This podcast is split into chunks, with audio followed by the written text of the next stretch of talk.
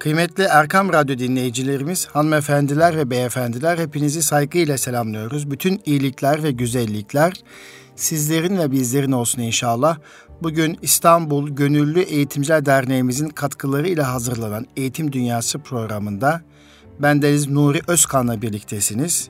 Geçtiğimiz haftalarda başladığımız Eğitimde Duygusal Zeka programımızın üçüncü bölümünü sizlerle paylaşmanın mutluluğunu ve heyecan yaşadığımı burada ifade etmek istiyorum. Çünkü kişilerin IQ zekası kadar duygusal zekanın ve ruhsal zekanın artık önemini biliyoruz. Duyguların e, önemi her geçen gün artmaktadır. Duygusal zeka kavramı keşfedilmeden önce duyguların bilimsel bir kategori olarak ele alınması fikri hep ihmal edilmişti.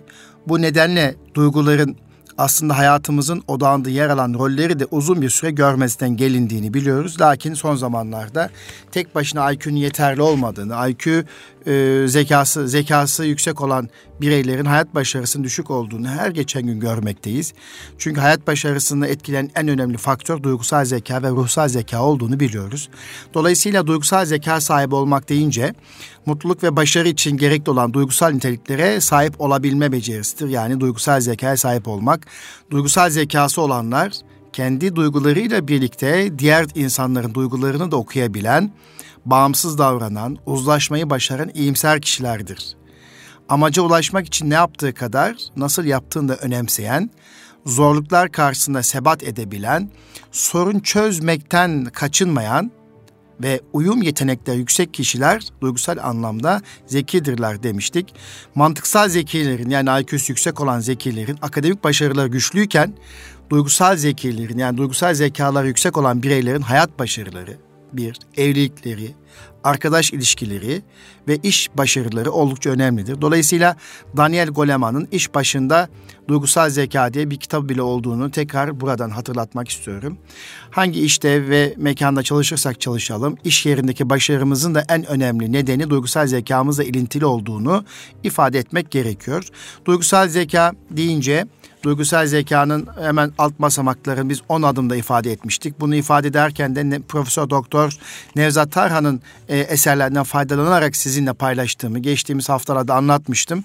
Ve duygusal zekada 10 adımı yine mesnevi hikayeleriyle birlikte e, paylaşmıştık.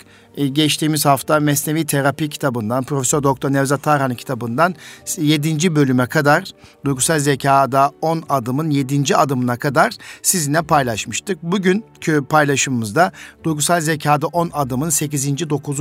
10. adımlarını mesnevi anlatımlarıyla da yola çıkarak sizinle paylaşmak ve konunun e, kavranılmasını sağlamak istiyoruz kıymetli dostlar. Öncelikle bizi Erkam Radyo'nun başında dinleyen hanımefendilere, kıymetli eğitimcilerimize ve araçların başında bizleri dinleyen kıymetli sürücülerimize tekrar e, başarılar diliyorum. E, ne iş yapıyorsak yapalım. İstersek aracımızı kullanalım. istersek mutfakta yemeğimizi yapalım. Evimizi temizleyelim. Aslında her şeyde duygusal zekanın bir performans sonucu olduğunu görmekteyiz. Aracı etkin ve güzel bir şekilde kullanabilmek, aracı kullanırken karşımıza çıkan olumsuzluklar karşısında ve ihlaller, trafik kuralları ihlalleri karşısında sabırlı olabilmek, e, öfkemizi kontrol edebilmek bile duygusal zekanın bir ürünüdür. Veya evimizde çocuklarımıza karşı sabırlı olabilmek, yemeği sevgiyle, aşkla, muhabbetle yapabilmek duygusal ve ruhsal zekanın bir ürünüdür. Yani kısacası yemek yapmak var, yemek yapmak var. Yemek yapmak var, yapmak zorunda olduğunuz yemeği yapmak var. Bir de eşinize, çocuğunuza, dostunuza, arkadaşınıza, kocanıza, ev halkına şifa olması, muhabbet olması dileğiyle heyecanla, şevkle, aşkla, muhabbetle o yemeği yapmak var. Okula gitmek var, bir de okula mabede gider gibi gitmek var. Dolayısıyla bakın bir okula gitmek isteyen öğretmenler var, yöneticiler var. Bir de okula mabede gider gibi gitmek isteyen yöneticiler ve öğretmenler var. Okula gitmek isteyen öğrenciler var. Bir de okula aşkla, şevkle, muhabbetle, coşkuyla, heyecanla, istekle giden öğrenciler var. Dolayısıyla arasındaki anlamlı fark işte duygusal zekanın gücünü göstermektedir. Bunu bir kez daha ifade etmek istiyorum burada. Dolayısıyla efendim her daim duygusal zekiliğiniz yüksek olsun diyorum. Ve biz buradan yola çıkarak diyoruz ki aslında herkes zekidir eğitmesini bilene. Yani herkes zekidir dediğimizde, kastettiğimizde kimisi IQ işte mantıksal zekidir, kimisi duygusal zekidir, kimisi de ruhsal zekidir. İşte zeka türleri içerisinden bakacak olursa, zeka çeşitli bakımından bakacak olursa bakarsak kimisi doğacı zekaya sahiptir, kimisi içsel zekaya sahiptir, kimisi ritmik zekaya sahiptir, kimisi fiziksel zekaya işte spor zekasına sahiptir, yeteneğine sahiptir. Kimisi matematik, kimisi sözel zekalara sahiptir. Hani e, Howard Cartman'ın çoklu zeka teorisi açısından bakacak olursak herkeste baskın olan bir yön bulunmaktadır. Birkaç tane de baskın olabileceği gibi tamamın baskın olan bireylerde olabilir. Efendim duygusal zekada 10 adım demiştik. Birinci adım bireyin kendisini tanıması ve kendini fark etmesi demiştik. Öz bilinç demiştik. Bunu ifade ettik. E, ve e, önce kişi kendisini tanımaktan bahsetmeli diye ifade etmiştik. E, işte orada men arafe nefsehu fakat arafe rabbe nefsini bilen Rabbini bilir demiştik. Veya Yunus Emre'nin deyişiyle ilim ilim bilmektir. İlim kendini bilmektir. Sen kendini bilmezsen bu nice okumaktır ifadesiyle özetleyebiliriz kıymetli dostlar. İkinci adım e, kendini tanıyan bireyin başkalarını tanıyabilme, başkalarına empati yapabilme becerisi demiştik. Sosyal bilinç olarak bunu anlattık, ifade ettik. Bu çerçevede e, bakkal ve papağan hikayesini okuyarak bu adımı anlatmaya çalışmıştık. E, bu sohbetimizi dinlemek isteyenler yani geçmişteki bu anlatımlarımızı dinlemek isteyen Erkam Radyo dinleyicilerimiz, kıymetli misafirlerimiz e, Erkam Radyomuzun arşivinden bu bölümleri indirebilirler ve tekrar dinleyebilirler.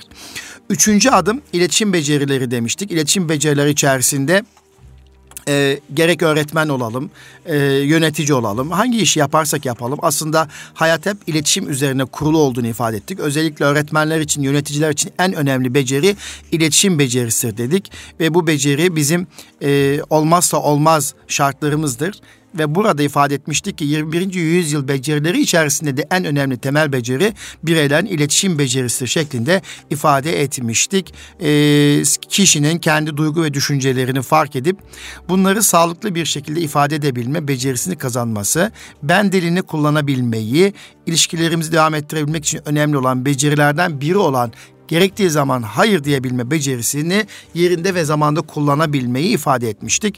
Bu üçüncü adım içerisinde yine buradan e, Mesnevi'den bir hikaye padişah mı inci mi hikayesiyle konuyu biraz daha derinlemesine analiz etmeye çalışmıştık.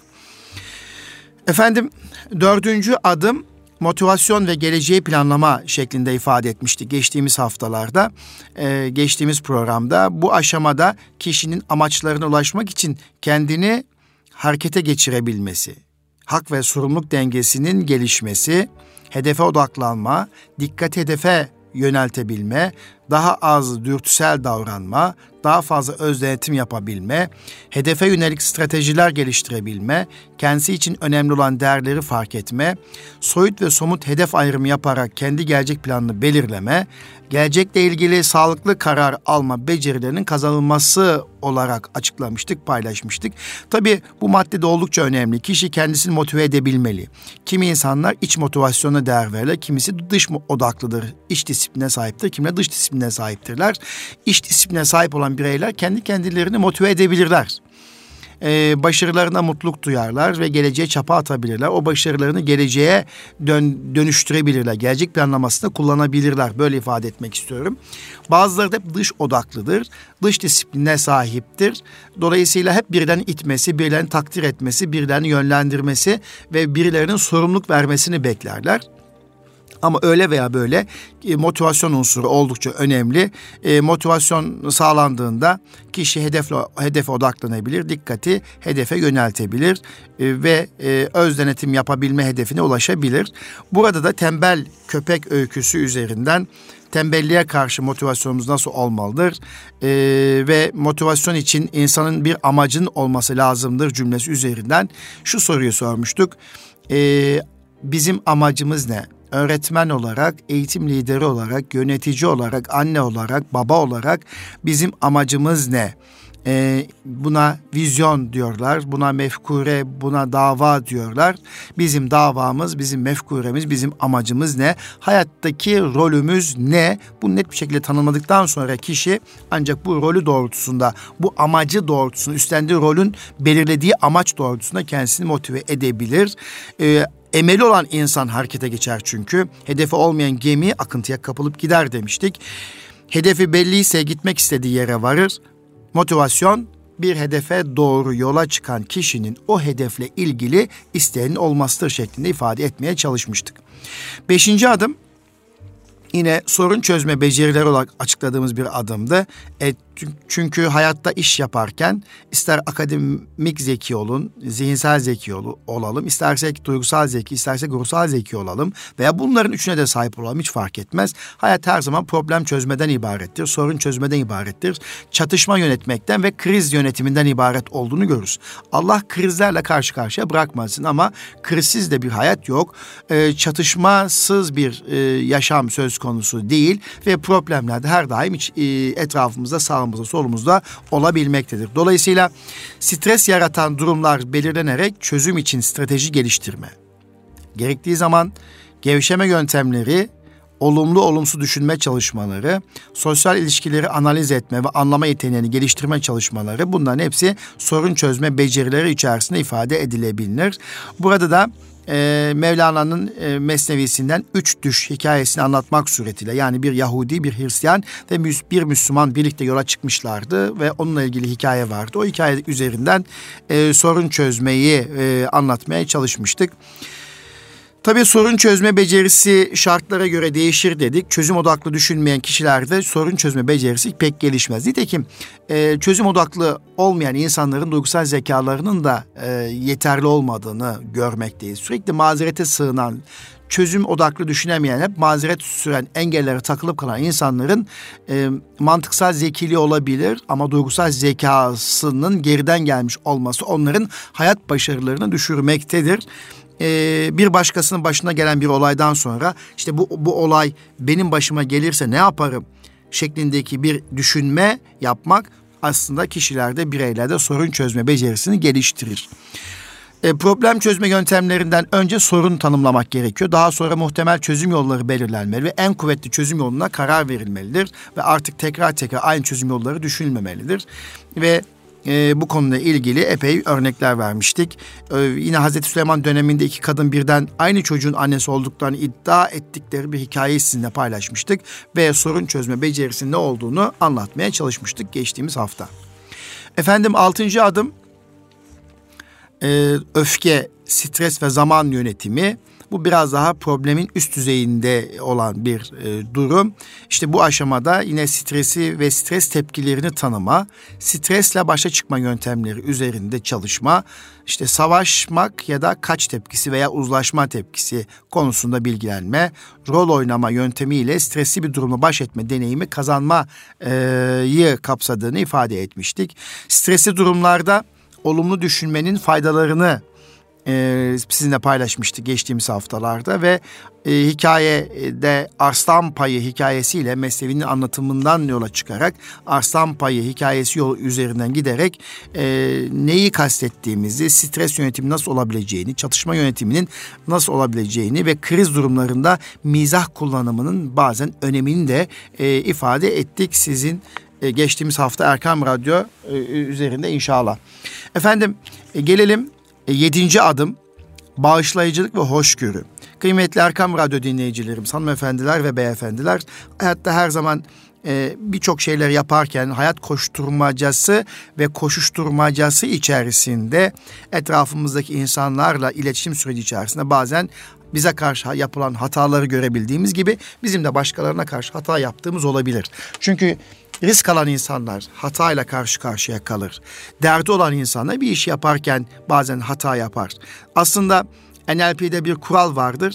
Ee, her davranışın arkasında iyi bir niyet vardır. Her davranışın arkasında iyi bir niyet vardır. Yani kişi e, hain değilse e, sonuç itibariyle ortaya çıkan başarısızlık ve hata kişi aslında sorarsanız aslında ben bunu iyi niyetli olarak şu nedenden dolayı böyle düşünmüştüm veya yapmıştım diyecektir.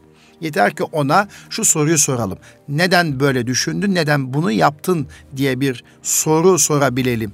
Yoksa sadece sonucu itibariyle e, hemen ön yargı etiketleme yapacak olursak e, kişiyi suçlamış ve artık iş yapamaz haline geliriz. Nitekim okullarımızda öğretmenlerimiz, yöneticilerimiz e, suçlanmak e, durumunda kalmamak için işte e, sürekli soruşturma ile karşı karşıya kalmamak için veli şikayetiyle karşı karşıya kalmamak için veya işte buna benzer bir takım dış çevrelerin şikayetleriyle karşı karşıya kalmamak için risk almaktan kaçındıklarını görüyoruz. Çatışma yönetimini yapamadıklarını görüyoruz veya krizlerde başarısız olduklarını görüyoruz. Çünkü e, etraftaki hep şikayet algısı ve şikayet üzerine odaklanma bireyin cesaretini kırdığını görüyoruz. İşte o zaman öğretmen atması gereken doğru adımı acaba mı diye atamıyor. Doğru karar veremiyor e, hep korku ve endişeyle de sınıfa giriyor. Bu da hata yapmayı artırıyor aslında. Dolayısıyla toplum olarak biz e, her insanın kusuru vardır. Annenin, babanın, ev, evladın, işte öğretmenin, yöneticinin, trafikte başka bir sürücünün. E, önemli olan tabii bazı hatalar vardır ki kişiye ciddi uyarı yapmak lazım. Buna katılıyorum. Ama kişi hain değilse, bilerek yapmıyorsa, bilmeden farkına varmadan yatalan hatalarda da öğretici yoluna gitmek lazım. Hatalardan ders çıkartabilmek lazım. İşte bu bağışlayıcılıktır. Bu hoşgörüden kaynaklanır. İşte sosyal ilişkilerde karşı tarafı anlayabilme, farklı düşünülse bile hoşgörü gösterebilme, hata karşısında bağışlayıcı olabilme ve ilişkileri devam ettirebilme becerisi bu kapsam içerisine girdiğini görüyoruz kıymetli Erkam Radyo dinleyicilerimiz. Ve burada da e yine Mesnevi öyküsünden haddini bilme öyküsünü paylaşmıştık. O hikaye üzerinden bağışlayıcılık ve hoşgörünün ne olabileceğini ifade ettik. Ve özellikle bu madde içerisinde zeka tek başına işe yaramaz dedik. Hikayede yine anlattığımız hikayede fare deveye rehberlik ediyordu. Aslında önemli bir işi yapıyordu ve deve hakikaten rehber olmadan yolunu bulamaz. Başına bir rehber olmazsa durur. Girmez ama fare burada rehberlik yaparken e, sahip olmadığı bazı sıfatları da kendisine mal ediyor. E, üzerinden günümüzde insanlar yol göstermeye çalışan ve çok da revaçta olan kişisel gelişim kursları olduğunu, bu nokta manevi danışmanlık yapan kişilerin olduğunu ve olumsuz yönlerini e, nasıl olumlu tarafa çevirebileceğini, nasıl pro, proaktif düşünebileceğini gösteren insanların olduğunu ve o kişilerin kişi, e, başarıya odaklamaya çalıştığını, e, başarısızlık yoktur sadece sonuçları vardır diye NLP'nin bir kuralının hatırlatmaya çalıştıklarını ve bir takım motivasyon teknikleri öğrettiklerini biz burada paylaşmıştık. Buna da ihtiyacımız var. E, yani bizim e, kendi kendimizi motive edecek e, bir takım çapalara ve motivasyon tekniklerine ihtiyacımız var. Onu burada ifade etmiştik. Kıymetli Erkam Radyo dinleyicilerimiz. Tabi bu ana kadar anlattıklarım, paylaştıklarım geçen haftanın kısa bir özetiydi. Yani iki haftanın kısa bir özetini sizinle paylaştık. Şöyle bir hatırlayalım. Duygusal zekada 10 adım deyince hangi maddelerin olduğunu tekrar hatırlamak babından yaptık. Şimdi gelelim bugünkü dersimizin, sohbetimizin konusuna. E, bugün de 8. 9. 10. adımları anlatacağız. Eğitimde duygusal zeka ve iş başın e, iş hayatında başarılı olabilmek için duygusal zekanın 8. 9. 10. adımları siz değerli Erkam Radyo dinleyicilerimizle paylaşıyoruz. Efendim Evet kıymetli hanımefendiler, beyefendiler, Erkam Radyomuzun dinleyicileri, evet sebatlılık yani sabır duygusunun gelişmesi, e, e, bu da çok önemli. Sebat üzerinde olmak, bir olay, bir iş, bir durum üzerine odaklanabilmek ve sabredebilmek, sebat gösterebilmek. İşte bu adımda dürtüleri kontrol edebilme, alınan kararları uygulayabilme. Şimdi birçok kararlar yazılır ama uygulayabilme becerisi ve sabrı gösterilmez. Dolayısıyla aktif sabır, ve hareket halinde sabır gibi sabır duygusu sebat etmek, bir olayda bir durumda odaklanmak ve onun sonucunu görünceye kadar beklemek ve e, o konunun sonlanıncaya kadar gerekli olan performansı gösterebilmek ve karar verilen işi görevi bırakmama, işin devam ve sürekli için çaba harcama, becerilerinin kazandırılması yine bu sebatlık kavramı içerisinde anlatılabilir. Veya engellere rağmen hedefe yürüyebilme yeteneği yine bu sebatlılık kavramı içerisinde ifade edilebilir. Yani kısacası bir insan evlilik müessesesini oluşturur, aile olur, eşine tahammül ve sabır göstermeli, sebat duygusu içerisinde bulunmalı e, ki evlilik müessesesi, aile müessesesi, aile kurumu e, ve o yuva devam edebilsin. Veya bir işe girer, orada arkadaşlarına karşı, patronuna karşı, yöneticisine karşı, müdürüne karşı, mekana karşı sabırlı olabilmeli, sebat edebilmeli ki başarılı olsun, işsiz kalmasın veya işten kovulmasın. Yani sonuçta e, bugün çocuklarımız okula gidiyorlar, derslere karşı sabırlı değiller. Okula gitme noktasında sabır ve sebat duygusu içerisinde değiller. İşte ödevlerini tamamlama noktasında gerekli sabrı gösteremiyorlar. İşte yemekhanede sıraya geçtikleri zaman gerekli sabrı gösteremiyorlar. Konferans sonunda sabır gösteremiyorlar. İşte kısacası sabırı ve sebat üzerine olabilmeyi çocuklarımıza da bizim öğretmemiz gerekir. Fark ettirmemiz gerekir. Engellere rağmen hedefe yürüyebilme yeteneği her zaman her birey için ihtiyaç olan bir durumdur. İşte bunun genel adı sebatlılık veya sabır duygusu diyoruz. Efendim, susuzluktan yüreği yanan adam ırman kıyısındaki yüksek kerpiç duvara oturmuştu. Sudan çıkan balık nasıl tekrar ona kavuşmak için çırpınırsa adam da suya ulaşmak için öyle uğraşıyordu. Ne var ki duvar yüksekti.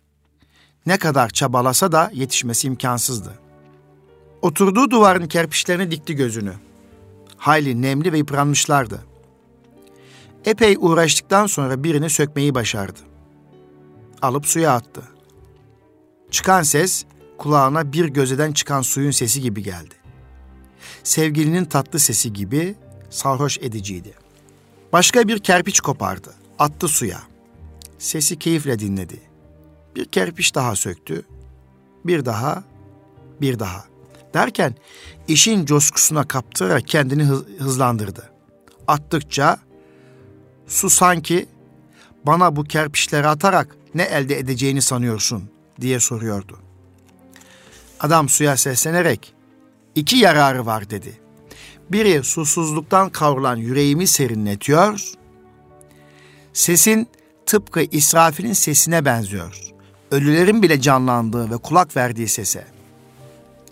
Su bekleyen bitkilerin, otların ve çiçeklerin sıcak yaz günlerinde duydukları ve yağmuru müjdeleyen gök gürültüsüne. Diğer faydası ise koparıp attığım her kerpiç beni sana biraz daha yakınlaştırıyor. Hikayede kişi amacına ulaşmak için çabalıyor en azından. Bunu görüyoruz. Kerpiçleri sökmesi onu tek tek hedefine yaklaştırıyor. Adam aynı zamanda bunu eğlenceli hale getirmeyi başarıyor. Eğer önünüzde bir engel, zorluk varsa onu aşmak için yaptığınız şeyleri eğlenceli hale getirmenin yolunu bulursanız sadece hedefe ulaşmakla kalmaz, ek kazançlar da elde edersiniz. Hedefe yürürken yapılması gerekenleri öfkeyle yerine getirmektense kişinin kendini rahatlatan, ferahlatan yollar bulması her yolun zevkle yürünmesini sağlar. Hem de bu daha güvenli bir davranış olur. Kişi bir yandan ruhen rahatlarken bir yandan da sonuca adım adım yaklaşmış olur. Evet kıymetli Erkam Radyo dinleyicilerimiz. Tabii bu hikayede e, şunu görüyoruz. Kişi engellere takılıp kalmamalı. Amacına ulaşabilmesi için kararlı olmalı. Hikayede de kişi yüksek bir duvarın üzerine oturmuştu. İçi yanıyordu suya ulaşabilmek için. Kerpiçleri tek tek söküp suya atarken hem suyun sesinden içini rahatlatıyor hem de aslında duvarın seviyesini, yüksekliğini alçaltıp suya biraz daha, hedefe biraz daha yaklaşmış oluyor. Bunu da kendince bir eğlenceye dönüştürdüğünü görüyorsunuz. Dolayısıyla hayatta bazı işleri başarabilmek için önümüze birçok kez engeller çıkabilir. Bu engellere ulaşabilmek için sabır gösterebileceğimiz gibi o engelleri eğlenceye dönüştürmek de bizim elimizde olan bir şey. Yıllar öncesi daha doğrusu geçen senelerde Doktor Kemal Tekten Bey bir seminerinde bahsetmişti. Baba çocuk uzun bir yolculuğa çıkıyorlar. Bir dağa tırmanıyorlar daha doğrusu. Dağa tırmanırken Çocuk arkada baba ben çok yoruldum diye sesleniyor. Baba biraz daha motive ediyor. Biraz daha çocuğu zorluyor. Yine tırmanmaya devam ediyorlar. Artık baba e, çocuğun yorulduğunu e, beden diliyle ve e, sözel ifadeleri de anlıyor. Çocuk da zaten babasına sürekli baba ben yoruldum artık hiç yürüyemeyeceğim işte takatim yok kalmadı diyor. Bunun üzerine baba tamam oğlum sana bir at vereceğim şimdi atın üzerinde gideceksin diyor. Onun üzerine e, yolun kenarındaki bir ağaçtan bir dal koparıyor. Al bu senin atın şimdi bacağının arasına alıyor çocuk. Onun üzerine dah dah dah diyerek hani önceden bizim köylerde yapardık. Biz bacağımızın arasına dal parçasını alır onunla koşardık seksek giderdik. O bizim atımız olurdu. Ata bindiğimizi düşünürdük. Ve çocuğun eline verdiği sopayla al, al yavrum da senin atın diyor. Şimdi daha iyi yürüyebilirsin diyor. Çocuk yine bacağın arasına aldığı sopanın üzerine binerek oyun ve eğlenceli halinde biraz daha yürümeye devam ediyor. Dolayısıyla ben yoruldum artık çıkamayacağım, tırmanamayacağım diyen bir çocuk için babanın kıvrak zekasıyla hemen yürümeyi eğlenceli hale dönüştürmek suretiyle çocuğun e, performansını artırıyor. Dolayısıyla bazen zor e, şartlarımızda hedefe yürürken karşımıza çıkabilecek engellerde hemen kıvrak zekamızı ve duygusal zekamızı kullanmak suretiyle farklı bir çalışmayla durumu eğlenceli hale getirebilir ve ve amacımızda gitmemizi sağlayabiliriz.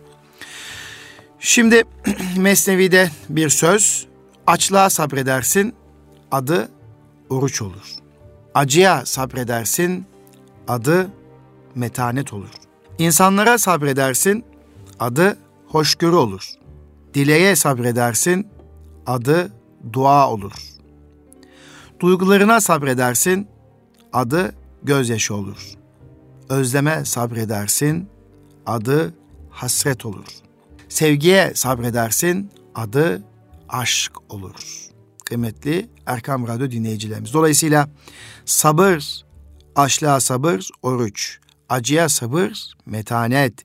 insanlara sabır, hoşgörü, dileğe sabır, dua, duygulara sabır, gözyaşı, özleme sabır, hasret, sevgiye sabır, o da aşk olur. Evet, çok güzel bir şekilde Mevlana e, özetlemiş kıymetli Erkam Radyo dinleyicilerimiz. Dolayısıyla sabır, duygusal zekiliğin en önemli özelliklerinden birisidir.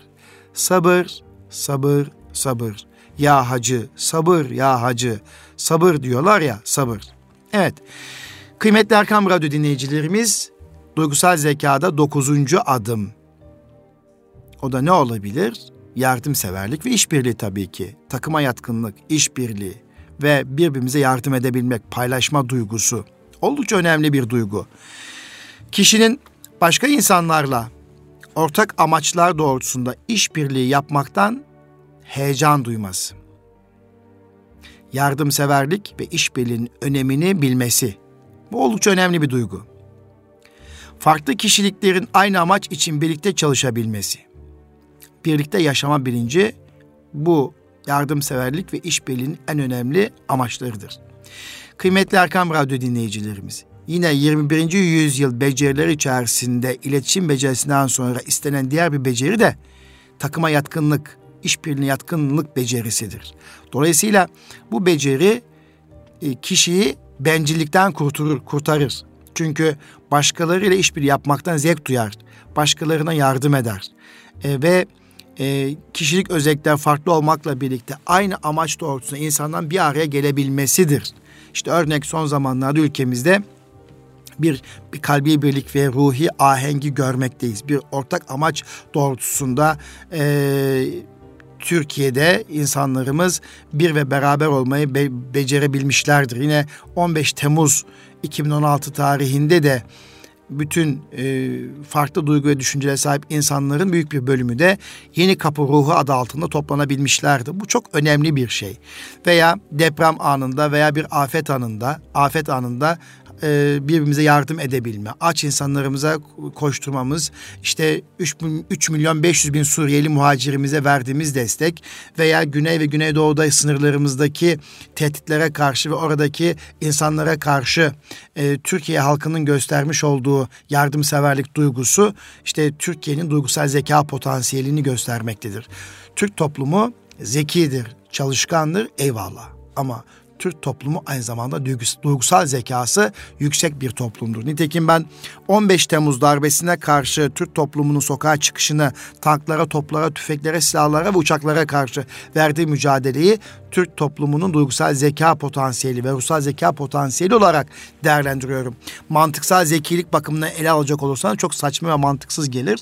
Ancak duygusal zekilik ve ruhsal zekilik bakımından görecek olursanız ki Çanakkale Savaşı da bunun sonucunda e, elde edilmiş bir başarıdır, bir muvaffakiyettir. Bir inancın gösterisidir. Nitekim e, siyah e, başkanının, eski siyah başkanın yapmış olduğu bir şey, bir yorum. Türkler girdikleri yerlerden asla geri dönmezler.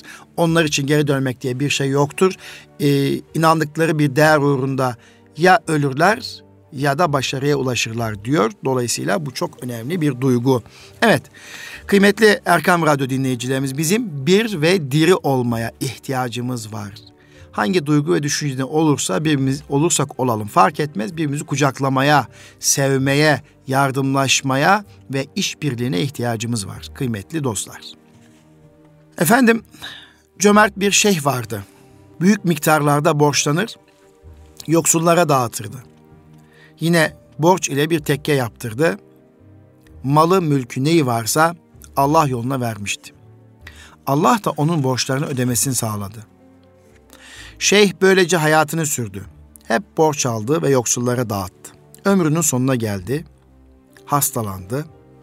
Borçlu olduğu kişiler gelip etrafında toplandılar. Hepsi üzgün ve umutsuzdu. Şeyh onlara Allah'ın 500 dinar bulmaya gücü yetmez mi sanki diyordu. O sırada dışarıdan helva satan bir çocuğun sesi geldi. Şeyh hizmetçisine bütün helvaları gizlice gidip satın almasını söyledi. Alacaklılar helva yiyince belki acı acı bakmaktan vazgeçerler diye düşündü. Hizmetçi gizlice gidip çocuğun bütün helvasını yarım dinara aldı. Getirip şeyhin önüne koydu. Buyurun dedi şeyh alacaklılara. Şu güzel helva yiyin. Herkes helva yedikten sonra çocuk da kabını alıp parasını istedi. Şeyh, paranı verecek gücüm yok. Borç içinde yüzüyorum ben. Deyince çocuk ağlamaya başladı. Şimdi ben ustama ne söylerim diye saatlerce ağladı. Bu sırada pek çok kişi çocuğun başına toplanıyordu. Alacaklılar da şeyhe kızgındı. Bize yaptığın yetmiyormuş gibi bu çocuktan ne istedin diye çıkışıyorlardı. Şeyh bütün bunların hiçbirisini aldırış etmiyordu. Oraya gelenlerden birkaç akçe toplansaydı çocuğun parası ödenirdi. Ama şeyhin himmeti buna da izin vermemişti. Hiç kimse çocuğa bir şey vermedi. İkindi vaktinde hizmetçi elinde bir tabakla çıka geldi. Şeyhin halini duyan bir yüce kişi ona armağan göndermişti. Tabağın bir tarafında 500 dinar, bir yanında da yarım dinar duruyordu. Bu kerameti gören herkes feryat edip şeyhten özürler dilemeye başladı. Şeyh onlara, bütün söylediklerinizi size helal ettim. Bu tabağın sırrına gelince onu Allah'tan diledim. O da bana doğru yolu gösterdi.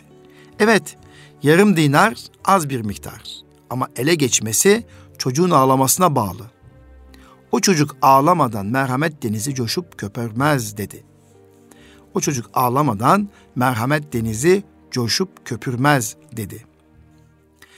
Mevlana'dan duygusal zeka becerilerinden yardımlaşma gibi sosyal duyguyu analiz edecek bir hikaye bu. Onlarca mesajından çıkardığım bazılarını aktarmak isterim.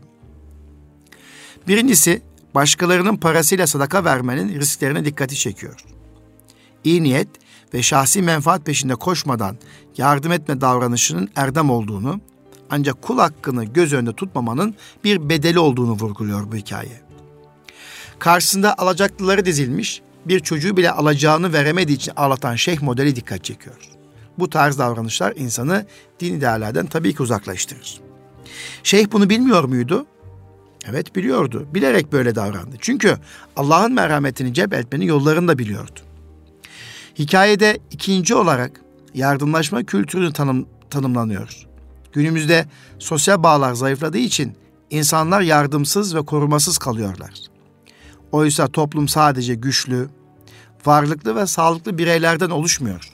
Hastalar, zayıflar, yaşlılar, çocuklar, özürlüler, sosyal yapının üretmeyen katmanlarıdır. Ve ancak yardımlaşma kültürüyle bu kişilere çıkar beklentisi olmadan yardım edilebilir.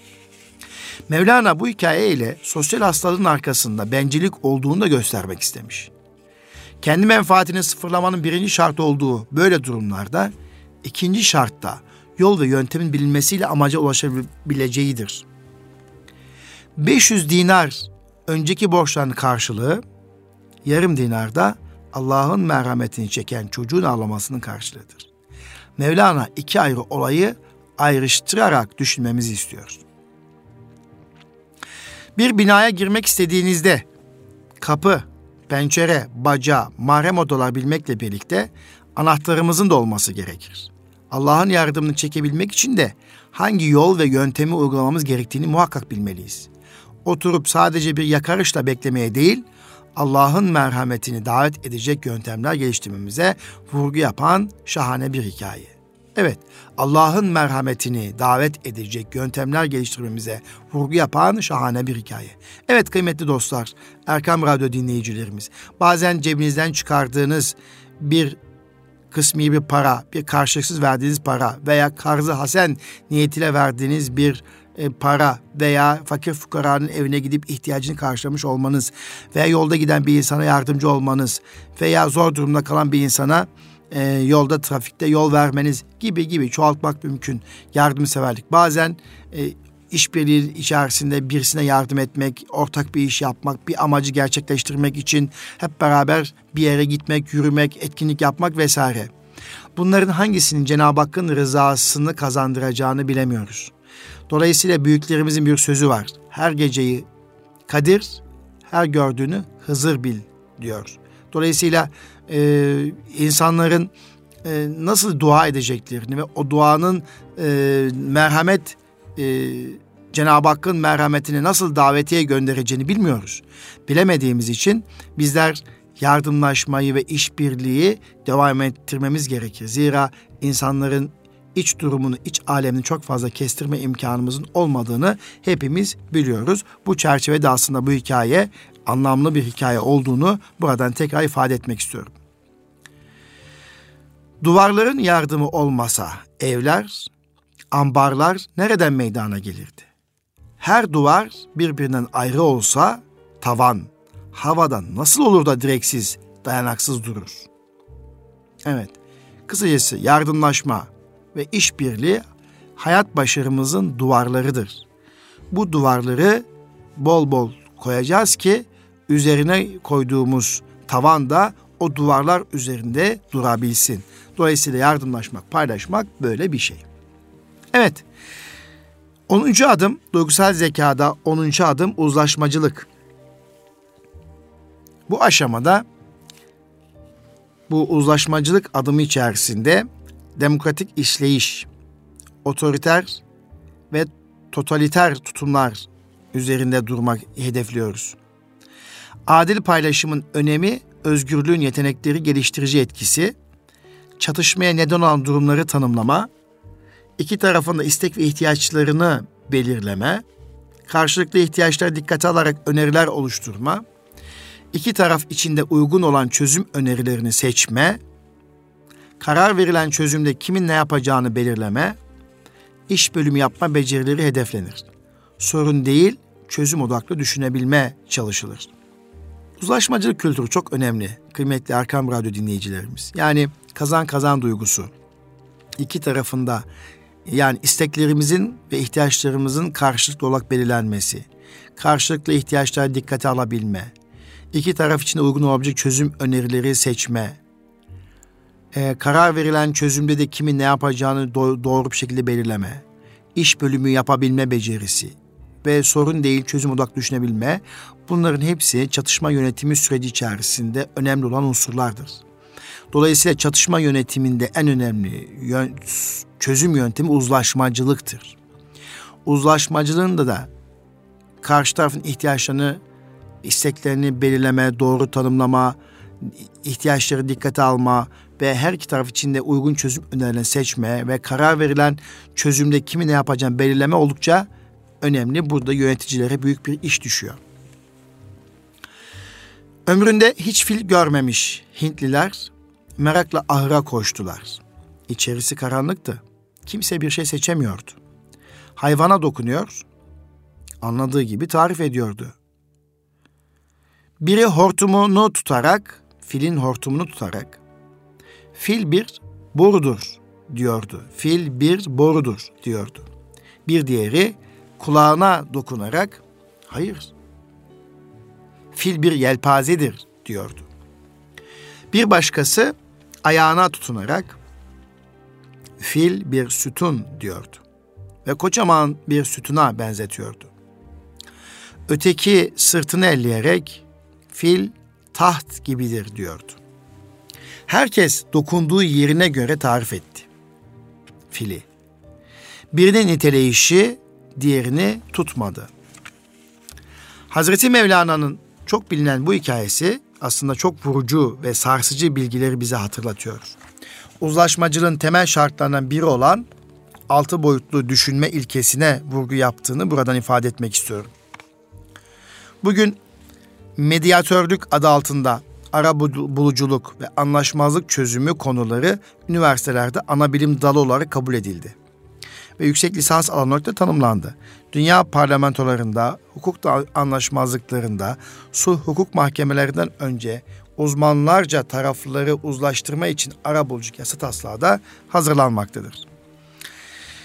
Birey arasında yahut devlet birey arasında yaşanan sorunlarda veya aile içi anlaşmazlıklarda görev tanımı yapılmış uzmandan yetiştirilmesinde kullanılan iki temel ilke vardır.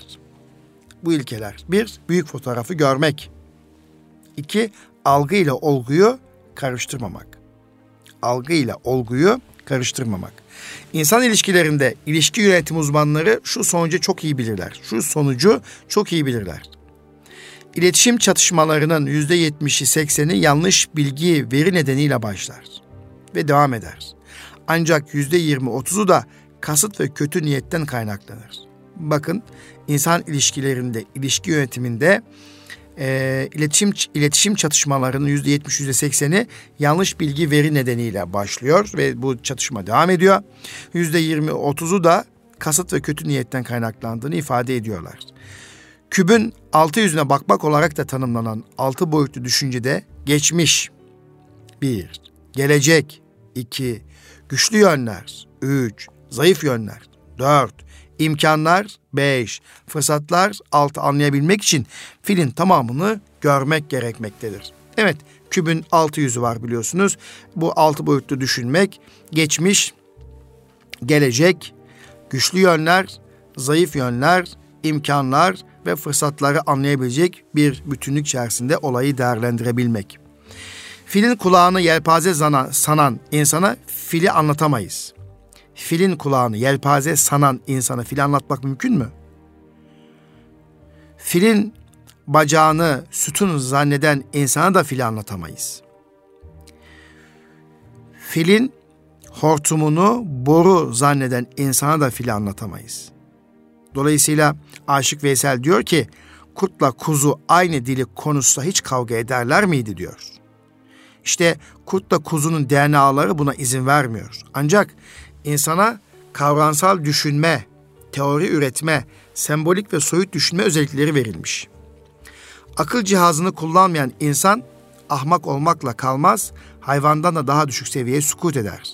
Evet eğer bir insan akıl cihazını aklını kullanamazsa ahmak olmakla kalmaz, hayvandan da daha düşük seviyeye ulaşır. Yani belhum edal olur. İşte dolayısıyla e, hem aklımızı kullanacağız hem duygularımızı kontrol edeceğiz. Küçük insanlar büyük olayları analiz edemezler. Evet sevgili Erkam Radyo dinleyicilerimiz. Küçük insanlar büyük olayları analiz edemezler. Kendi algıladıklarını olgu zanneden, bu sebeple eşini, komşusunu öldüren insanlar, savaş çıkaran siyasetçiler keşke Mevlana'yı okumuş olsalar, Mevlana'yı bir anlayabilseler. Evet, dolayısıyla günümüz insanın arayışlarına Mevlana'nın eserleri ve mesnevi her zaman bir reçetedir. Çağımızın nörotik insanı tasavvufun vaat ettiğini arıyor, farkında değil diyor Profesör Doktor Nevzat Tarhan Hoca. Mevlana, Mevlana Mesnevi Terapi kitabında Haydi dikenlikten dön gül bahçesine gel Mesnevi Terapi kitabında son söz olarak Nevzat Tarhan Hoca bunları söylüyor. Çağımızın nörotik insanı acılara Mevlana'nın sunduğu çözüm arıyor, farkında değil. Günümüzün tedirgin insanı manevi bir rönesans arıyor, farkında değil. Günümüzün kaygılı insanı Mevlana'da sembolleşen teselli gücünü arıyor, farkında değil. Günümüzün bunalımlı insanı varoluş krizinde ve anlam arayışında Mevlana'da simgeleşen yaşam felsefesini arıyor, farkında değil. Günümüzün ilkesiz siyaseti, siyasete ahlak katan bilgelik değerlerini arıyor, farkında değil. Günümüzün kapitalist sistemi ticarete ahlak katan kadim bilgeli arıyor, farkında değil. Nasıl yaşarsam hem mutlu hem de başarılı olurum diyorsanız Hazreti Mevlana'ya sunmaya çalıştığım gözle bakınız diyor Profesör Doktor Nevzat Tarhan Hoca Mesnevi Terapi kitabında. Bu kitap 14. baskı yapmış durumda. 135 bin adet bastı ve bu bir kitabın ancak eğitimcilere lazım olabilecek eğitimde duygusal zeka kısmını sizlerle paylaştık. Ee, özellikle eğitimci arkadaşlarımız, kıymetli öğretmenlerimiz ve okul yöneticilerimiz için okulda duygusal zeka geliştirecek etkinliklere ağırlık vermemiz lazım. Bunun için bir çocukların kendilerini tanıma imkanı sunmak gerekir. Bu tanıma faaliyetlerini yapabilmeleri için geziler, sosyal faaliyetler, etkinlikler, tiyatrolar, drama çalışmaları oldukça önemli. Yine rehberlik çalışmaları ve rehberlik merkez e, odalarımızın, öğretmenlerimizin ve rehberlik araştırma merkezinin yapacağı kişiyi tanıma testleri oldukça önemli e, diyoruz. Sonra bu çocuklarımız etrafındaki arkadaşları tanıyabilmeli, fark etmeli. Onların yerine empati kurabilecek bir beceriyi kazandıracak etkinlikle yapmamız lazım. Yardımlaşmayı, paylaşmayı öğretmemiz lazım. İletişim becerilerini geliştirmemiz lazım ve işbirliğine yatkınlıklarını artırmamız gerekir. Bunun için okul ortamında kazanımlara uygun yapılacak sosyal kültürel faaliyetler öğrencilerimize duygus öğrencilerimizin duygusal zekalarının gelişimine katkı sunacaktır diyoruz kıymetli dostlar. Dolayısıyla bir sonraki e, Eğitim Dünyası programında yine başka bir e, programda yine güzel bir konuyla buluşmak üzere. Kalın sağlıcakla diyorum. Allah'a emanet olunuz.